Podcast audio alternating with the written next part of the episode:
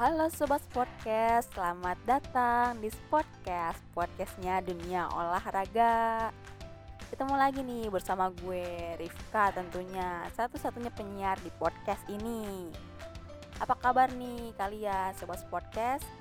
Semoga dalam keadaan baik-baik saja ya Nah, di episode ini gue bakal bahas nih mengenai olahraga bela diri. Ada yang tahu nggak nih apa? Yap, gue bakal membahas taekwondo. Pasti udah nggak asing lagi kan sama olahraga bela diri ini. Pasti bayangan para kaum perempuan olahraga ini menakutkan tentunya karena yang kita lihat pasti mengandung kekerasan.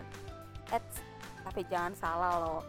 Manfaat kita mengikuti taekwondo ini pastinya untuk bisa menjaga diri dari orang-orang jahat. Apalagi para perempuan ini kan harus mempunyai kemampuan menjaga diri saat posisi kita sedang dalam bahaya. Terus siapa bilang taekwondo hanya bisa diikuti oleh laki-laki? Itu salah banget. Bahkan nih saat ini sudah banyak loh para kaum perempuan yang mengikuti pelatihan taekwondo. Bahkan sudah bertaraf internasional loh. Wih, keren banget kan? Nah, Salah satu atlet taekwondo yaitu Carmela Hartnett. Ada yang tahu nggak nih sobat sportcast sama Carmela Hartnett? Nah, kalau pada belum tahu nih, gue bakal ceritain sedikit nih tentang Carmela Hartnett. Ia merupakan perempuan asal Australia. Beliau merupakan perempuan pertama Australia di dunia yang menerima 8 penghargaan sabuk hitam taekwondo. Wow, keren banget kan? Nah, dia juga pernah pernah nih menang pedali internasional. Wih, keren banget. Grandmasternya telah ia raih loh di berbagai kompetisi bergengsi seperti Pomse atau Spari. Ia juga berhasil mendapat 70 medali internasional dan memenangkan 15 kali kejuaraan nasional, kejuaraan negara 20 kali dan juara Commonwealth 3 kali. Wih, keren banget kan? Siapa bilang tuh? Perempuan nggak bisa bela diri. Yap, kegiatan Carmela Hartnett saat ini ia sedang menjalani bisnisnya berupa klub taekwondo juga loh di kota Perth, Australia. Nah, seru kan sobat podcast sama olahraga bela diri ini? Untuk lebih detailnya, gue punya temen nih, perempuan juga, dia pernah ikutan taekwondo loh. Mau tahu kan? Penasaran nih? Yuk, kita dengerin langsung bincang-bincang gue sama Grace. Halo Grace. Halo. udah lama ya nggak ketemu. Iya nih udah lama banget kangen sejak pandemi. Iya. Lagi sibuk apa nih sekarang nih? Lagi sibuk masa ya kuliah atau gimana nih? ya sekarang kegiatan sekarang. Aku lagi sibuk ini sih apa masih ada lanjut skripsi oh. terus habis itu sama bantu-bantu ada ini juga gabung sama teman jualan makanan gitu. Itu doang sih. Uh, BTW gue ya. denger-denger lu waktu itu pernah ngikut-ngikut kayak lomba-lomba taekwondo gitu ya. Awalnya kenapa sih kok milih taekwondo gitu? Kan padahal lu perempuan gitu. Oh itu, jadi dulu tuh um, awalnya kan lagi lihat-lihat baru masuk kuliah Terus lihat-lihat apa UKM Terus pengen nyoba apa yang kayak bela diri gitu nih gitu kan. Terus ketemu dua taekwondo sama aikido gitu kan. Yeah. terus nggak tahu kenapa pengen lebih kerasa taekwondo aja gitu. Maksudnya kayak lebih feeling ke situ gitu kayak lebih apa energik gitu loh. Karena dari gue sendiri kayak lebih suka apa yang banyak gerak gitu kan. Terus akhirnya ke taekwondo. Terus akhirnya berkecimpung ternyata cukup lama juga di situ. Kayak betah gitu maksudnya. PW gitu PW PW itu tuh dari SMA tuh udah ada pengalaman gak sih? Kalau SMA untuk yang bela diri nggak pernah sih ya. Cuman kayak um, ikut eskul kayak olahraga doang sih kayak basket gitu. Terus sempet uh, apa bulu tangkis kalau nggak salah. Oh. cuman terus sih kalau bela diri nggak pernah ada sih. Oh mm. jadi bela diri tuh kayak baru mas masuk kuliah aja gitu ya nyoba nyoba Iya, tapi sebenarnya udah uh, dari dulu udah pengen dicoba masuk ke diri gitu sih sama papa. Cuman kayak eh, nggak uh, match gitu waktunya ya. Soalnya kayak uh, klubnya juga belum pernah nyari gitu kan yang deket rumah mana gitu. Terus kayak buat nganter ke situ juga susah gitu. Jadi kayak belum dulu eh atau di kuliah ketemu gitu. Itu tuh didukung nggak sih sama sama mama mama? kalau mama sih ngedukung juga ya. Cuman ya agak kayak deg-degan juga gitu kalau misalkan apa kalau misalkan pas apa namanya lagi latihan gitu kan. Soalnya kan cukup keras juga sih Iya. apa bela kan perempuan takut ada yang patah tulang lah gimana? Amit-amit sih. Iya kan, kan namanya juga setiap, setiap olahraga kan pasti kayak ada aja gitu kan. Kayak contohnya kayak basket juga kan kadang suka ada yang keseleunya gitu kan. Kecelakaannya gitu kan Iya. amit-amit gitu. Iya pas pas denger tahu lu ah ikutan taekwondo. Lu kayak ah berani emang serius nih perempuan keren juga. Enggak banyak kok banyak banyak. Terus pas awal kan eh, udah ini sih latihan latihan tuh itu pernah ngerasa gak sih aduh kayaknya nih bukan bukan di bukan passion gua nih gua udah capek banget kayak gitu gitu ngerasa gak sih kayak gitu? Pernah Oh pernah, kalau waktu itu itu pas awal-awal baru berkecimpung gitu ya, karena kan kayak kita dilatih fisiknya dulu, kayak Iya. ibaratnya siap buat kayak eh, apa nendangnya gitu-gitu, terus habis itu kayak apa ibaratnya eh, dibiasain gitu kalau misalnya kena tendangan di bagian sini sini sini gitu, jadi kayak itu fisiknya keras ya awal-awal tuh kayak bikin apa, aduh mager anjir. Kayak kayak apa eh, capek gitu Iya, maksudnya kan, kayak males nerusin lagi, tapi nggak tahu kenapa kayak eh, jalan gitu, jalan terus gitu. Ngalamin kecelakaan gitu misalkan maksudnya kayak eh, keseleo lah terus bengkak kaki atau gimana gitu Oh kalau kalau pas latihan sih paling kalau nggak salah inget ya kayak lecet biasa deh kalau nggak salah sih ya. Tapi nggak apa yang parah banget gimana. Paling kayak waktu itu pas tanding doang sih itu kena apa kena eh, tendang di kepala terus kayak kayak apa langsung beng gitu kayak ini banget kayak cuman itu doang sih. cuman kayak ya lumayan. eh gue tuh penasaran nih kan gue suka nonton nih orang-orang yang suka latihan taekwondo gitu kan terus kan kayak lagi mukul musuh gitu kan nah itu tuh beneran mukul nggak sih atau dia pura-pura gitu Oh itu beneran. Jadi kan eh, eh, bener-bener. Jadi makanya amit-amit ya kalau misalkan eh, kayak di pertandingannya gitu kan, Heeh. di apa? eh, di pertandingannya gitu amit-amit nih kan medis selalu ada itu pasti setiap olahraga sih Iya. itu banyak tuh kejadian kayak apa namanya amit-amit nih pingsan. Heeh, terus heeh. habis itu bengkak-bengkak temanku juga banyak yang kayak begitu sampai yang pingsan pun pernah. Amit-amit dia kena tendang di bagian dagu kalau nggak salah. Sama ini sih apa? Eh, sama sama apa? Kena eh, matanya tuh kena kuku. ya? Oh, kena kuku kaki letet gitu. Amit-amit sih. itu gue kira tuh pas kan gue sering lihat kan kayak ah ini kayaknya ini udah di awal dibilangin nih katanya eh gue mau mukul bagian ini ya kayak gitu ya. Lu siap-siap ya. Kan gue kira kan begitu kan. Takutnya kan ternyata kan semua dadakan gitu ya. Heeh, ya bener sih tapi itu kayak nggak terduga gitu maksudnya. Iya makanya bingung kan. Ini ini kasar. Tapi kan, kan cewek nih kebanyakan cewek kan yang gue tahu tuh. Kayak ini cewek berani ya? Kalau misalkan dia mukul beneran ya ya amit-amit kan namanya juga perempuan ya. Pasti kan namanya sensitif gitu kan amit sih. Iya makanya gitu kan.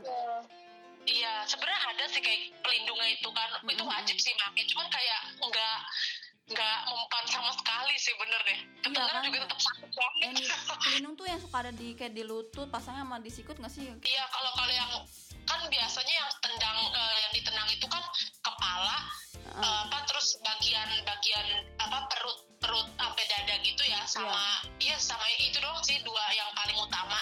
Tapi kan kadang suka nyasar nyasar sampai ke maaf ke bagian itu gitu Iya, kan. iya. nggak apa-apa. Heeh.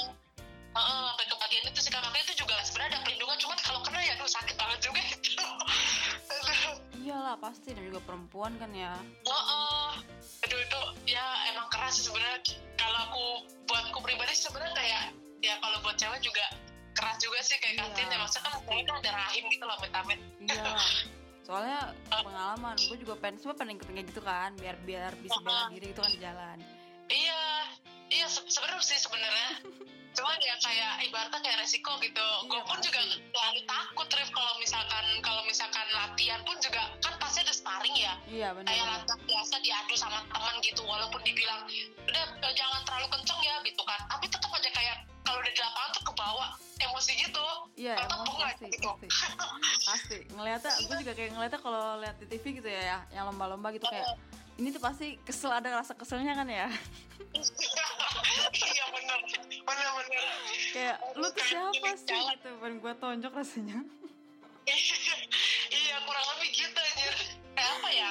Ke bawah suasana sih Mm-mm. dari lawannya juga gitu. Aduh tapi kalau misalkan Ya. eh, kejadian yang paling ini menurut lo apa nih? Yang di bagian mana gitu yang ibaratnya yang menurut lo ngerasa kapok gitu. Pernah gak sih ngerasa aduh gue pernah keselewan di tangan kayak udahan deh kayak udah deh gue nggak nggak cocok deh gitu. Oh iya itu itu yang bikin gue sebenarnya cuti bukan cuti sih keluar sih sekarang. Jadi terakhir itu eh, enggak bukan pertandingan terakhir kalau nggak salah yang kedua deh. Gue lupa. Itu gue kena tendang di kepala itu itu amit-amit ya. Itu pertama kali sih yang dan kalau menurut gue paling parah ya dibandingkan yang lain emang gak gitu parah. Cuman kayak apa sekali kena tuh pung langsung. Gue Iya. tuh langsung kayak diem gitu Rif. Kayak apa ya nggak? kepala tuh kayak kayak langsung mateng gitu loh. Terus gue lihat ke atas gitu kan. Gue sadar nggak gue sadar. Nggak ternyata gue sadar gitu kan. Dan habis itu gue agak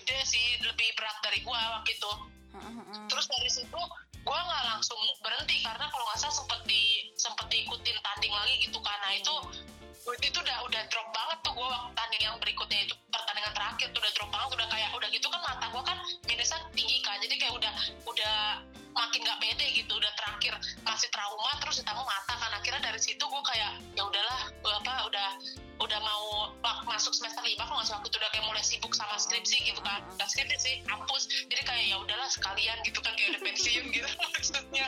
Jadi itu sih sampai sekarang masih takut terus kalau misalnya suruh lomba lagi juga aduh nggak mau gue karena itu walaupun resikonya gitu sebenarnya cuman ya ya takut sih. Eh padahal kan lu udah tahu nih kan resikonya nih pasti kan kalau ke, sampai ke tahap tinggi gitu kan ibaratnya. Nah Eh, lu udah ngikut berapa lomba nih? Kalau nggak salah tiga atau empat deh kalau nggak salah inget ya. Terus kenapa lu cuman kayak segitu sih. kayak berpikir ah gue pengen ikutan langsung ke tingkat tinggi nih yang ikutan ngerasain pengen lomba gitu, gitu tuh. Kan padahal lu, lu, udah tahu nih resikonya nanti gue bakal begini begini begini gitu kan.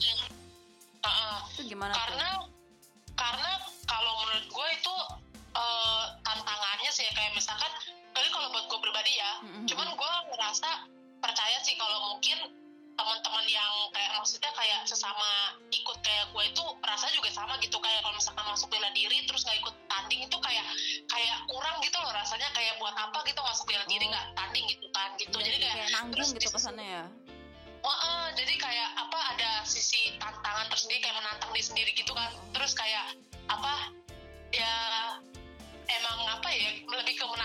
sih. jadi lebih ke menantangnya gitu. cari pengalaman baru kali ya Ya, sih ya benar sama pengalaman sih. Mm-mm. Apalagi kan lawannya kan nanti kita nggak tahu ya. Maksudnya kayak gue dulu pernah tuh waktu itu eh, apa em, kan biasanya kan eh, tandingnya kadang kalau nggak gue tuh apa sabuknya tuh masih kecil kan. Terus lawannya tuh tengahnya lawannya tuh nggak pernah yang sebanding tengah ke atas mulu gitu kan. Sabuk-sabuk tengah ke atas mulu gitu. Jadi kayak itu yang salah satu hal yang kayak menguji adrenalin banget kalau buat gue ya. Kayak ntar gue dapetnya sabuk hitam atau sabuk yang tengah nih. Hitam kan paling tinggi. Sabuk hitam atau sabuk tengah gitu kan. Gue dulu pernah paling parah Rif. Untungnya nggak jadi tanding sih. Itu gue dapet dapetnya tuh oh, ini dari dari dari dari coachnya ya dia bilang itu lawan gue nanti tuh eh, apa kalau nggak salah juara ASEAN atau apa gitu. Gue kayak langsung duh kalau gue ikut beneran gue bisa pingsan baru sekali. Kena pingsan aja? Aduh itu bener-bener itu nunggu nunggu di lapangannya Rif ya. Iya. Ini nunggu di lapangannya gue tiduran telentang di atas panggung. Itu panggung emang emang buat kayak nunggu gitu kan yang Iya. udah mau tanding di lapangannya. Gue udah udah telentang udah kayak dalam hati Tuhan kalau udah ini waktunya. Itu udah pikiran udah kayak gitu lihat sumpah. Serius.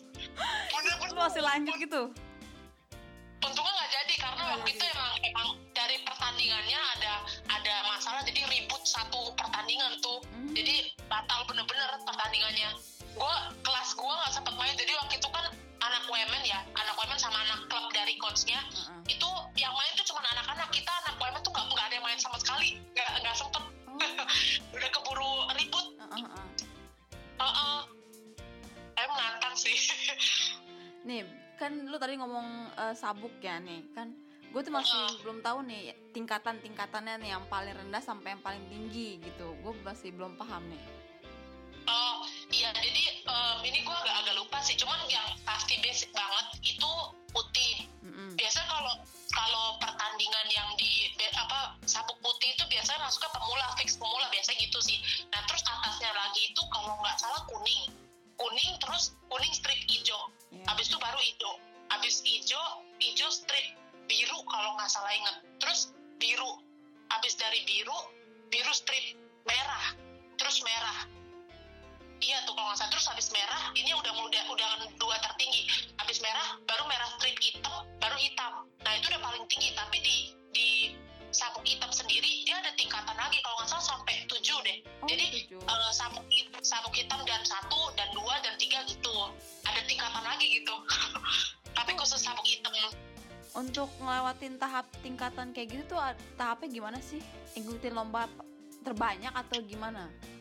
oh enggak. Kalau kalau lomba terbanyak enggak sih. Jadi kayak kayak misalkan kalau sejauh yang gua tahu dari ini ya dari kampus doang bukan dari klubnya langsung itu kayak misalkan setiap berapa bulan gitu itu ada kenaikan tingkat namanya UKT jadi ujian kenaikan tingkat. Nah itu apa benar-benar diuji. Kayak misalkan eh, kita harus apa harus ngerti. Misalkan untuk naik tingkat dari kuning ke kuning strip hijau itu harus tahu berapa tendangan gitu kan. Misalkan em, ini kalau nggak salah namanya misalkan ya montong jiruki gitu kan. Nah itu tendangannya kayak gimana? Nah ntar kita uh, peragain. Terus ada juga namanya pomsei. Jadi kalau pomsei itu kayak seninya gitu.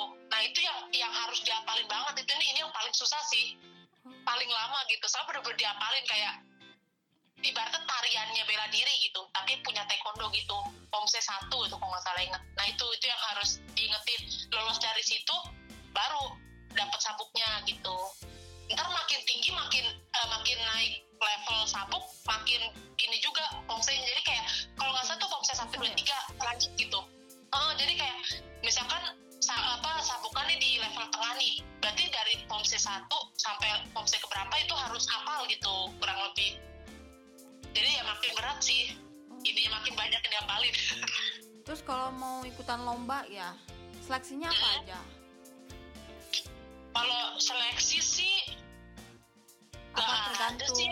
apa tergantung tingkatan lombanya? Misalkan eh, sekarang eh, lu mau lomba nih tingkat eh, kabupaten lu misalkan terus nanti di provinsi lebih ini lagi apa kayak gitu apa beda-beda atau gimana? Atau sama? Oh iya, jadi kalau misalkan, iya biasanya sih kalau yang gua tahu dari ini ya kayak misalkan yang masuk klub gitu kan, itu kayak dari coachnya juga di ini sih dia apa di saring gitu. Kalau misalkan nih untuk yang kejuaraan provinsi gitu atau kejuaraan internasional yang yang dari lokal keluar gitu kan. Itu dipilih disortir yang memang benar-benar udah udah bagus banget udah levelnya tinggi gitu. Tapi kalau kayak misalkan antar masih antar kampus atau antar klub-klub sendiri nah itu masih ya yang apa yang tengah level tengah ke bawah itu masih diikutinya di situ sih biasanya.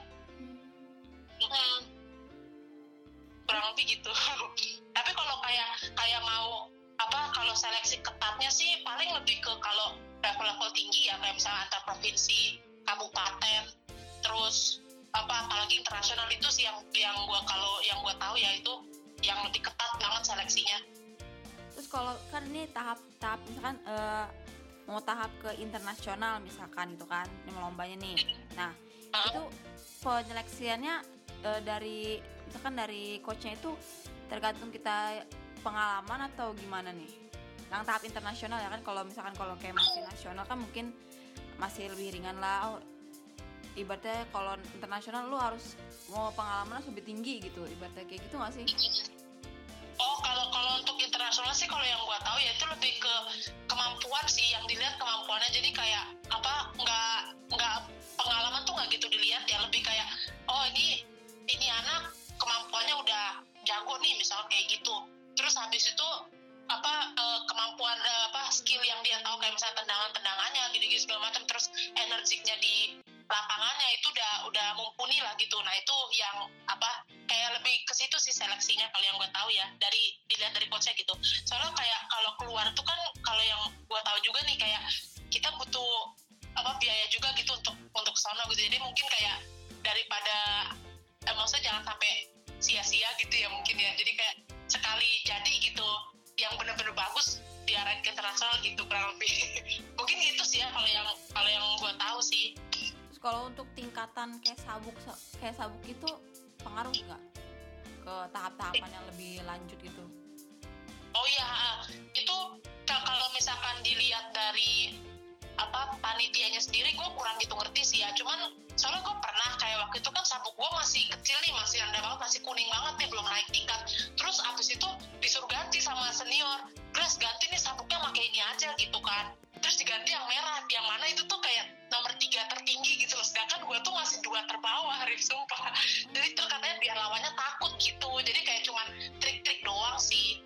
Tapi aslinya ya kalau nggak saya inget sih aslinya kayak minimal dari panitianya kayak minimal sabuk apa gitu loh. Cenget gue sih gitu deh. Berarti sabuk juga uh, berfungsi kayak buat ngelindungin diri nggak sih?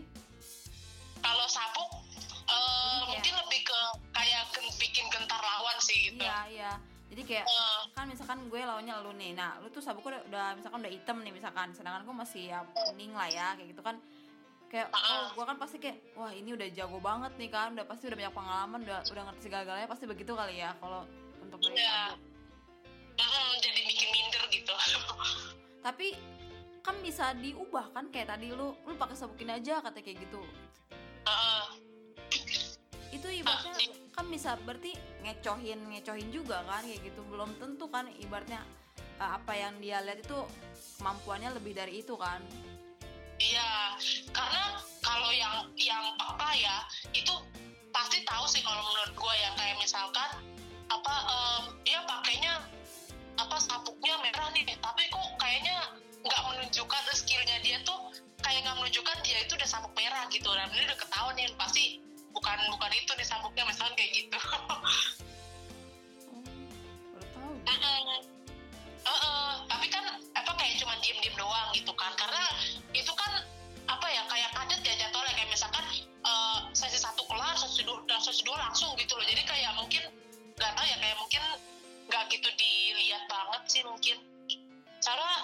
gue ikut lomba kayak nggak pernah di ini banget sih kayak apa um, sabuknya gitu-gitu kayak nggak terlalu di ini banget gitu.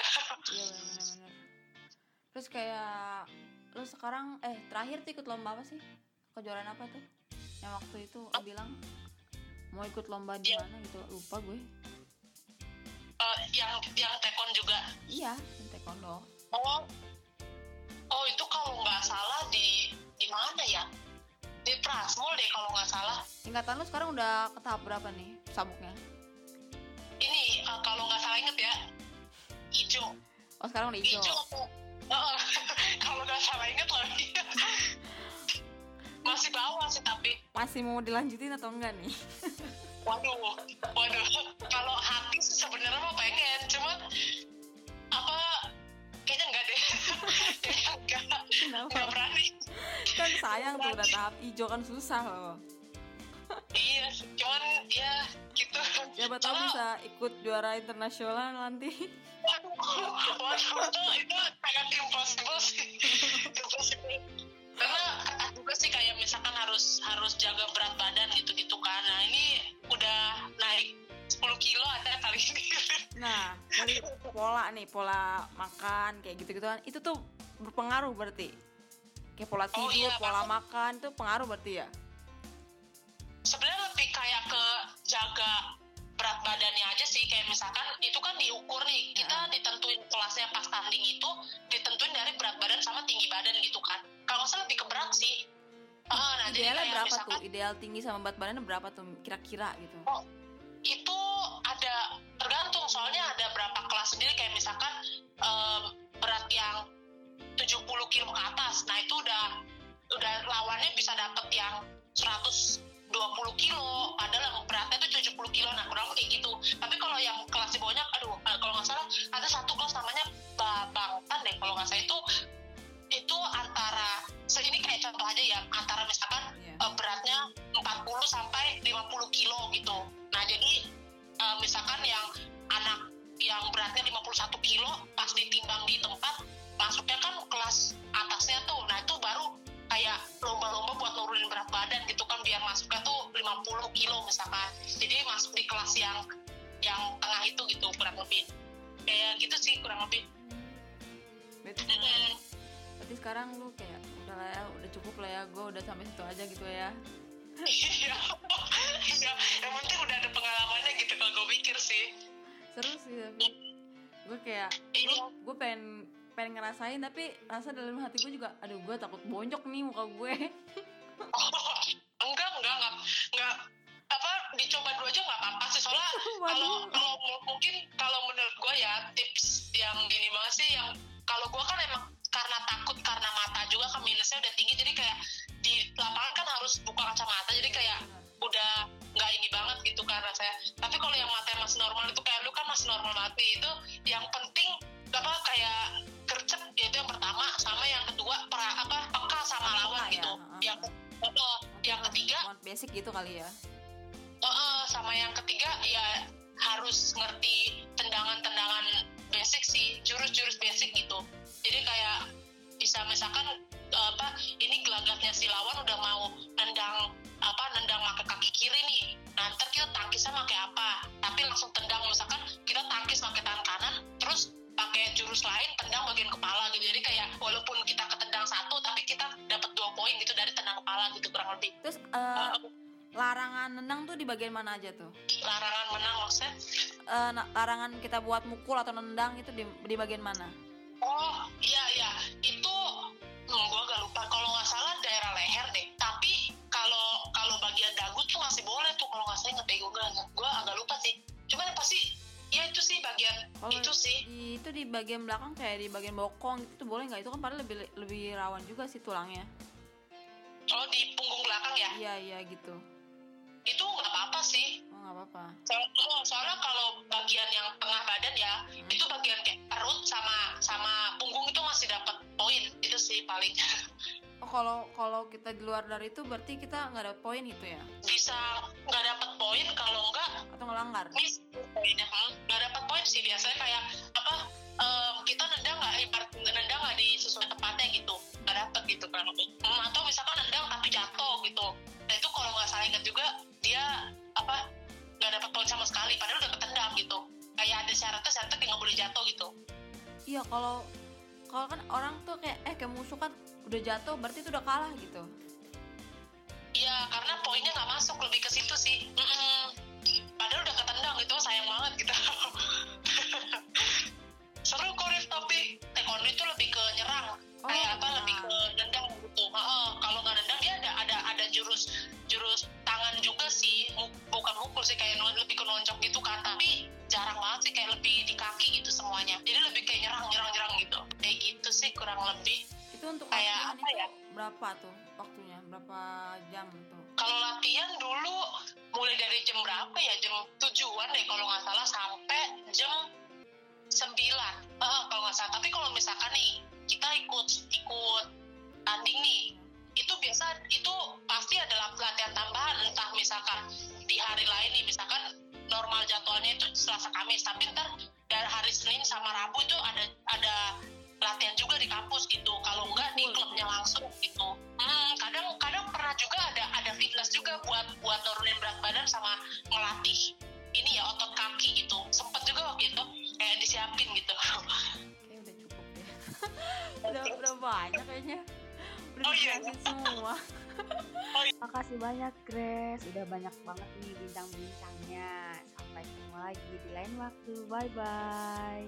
Nah, sobat podcast seru kan bincang-bincang gue sama Grace. Ya, walaupun pengalaman banyak yang gak enak. Tapi seru kan taekwondo ini? Nah, gak kerasa nih sobat podcast. Waktu kita udah habis. Tapi jangan sedih, masih ada episode selanjutnya yang seru-seru loh. Jangan lupa dengerin terus podcast tentunya di Anchor FM yang pastinya masih bersama gue Ripka. Sampai jumpa di episode selanjutnya Sobat Podcast. Bye bye.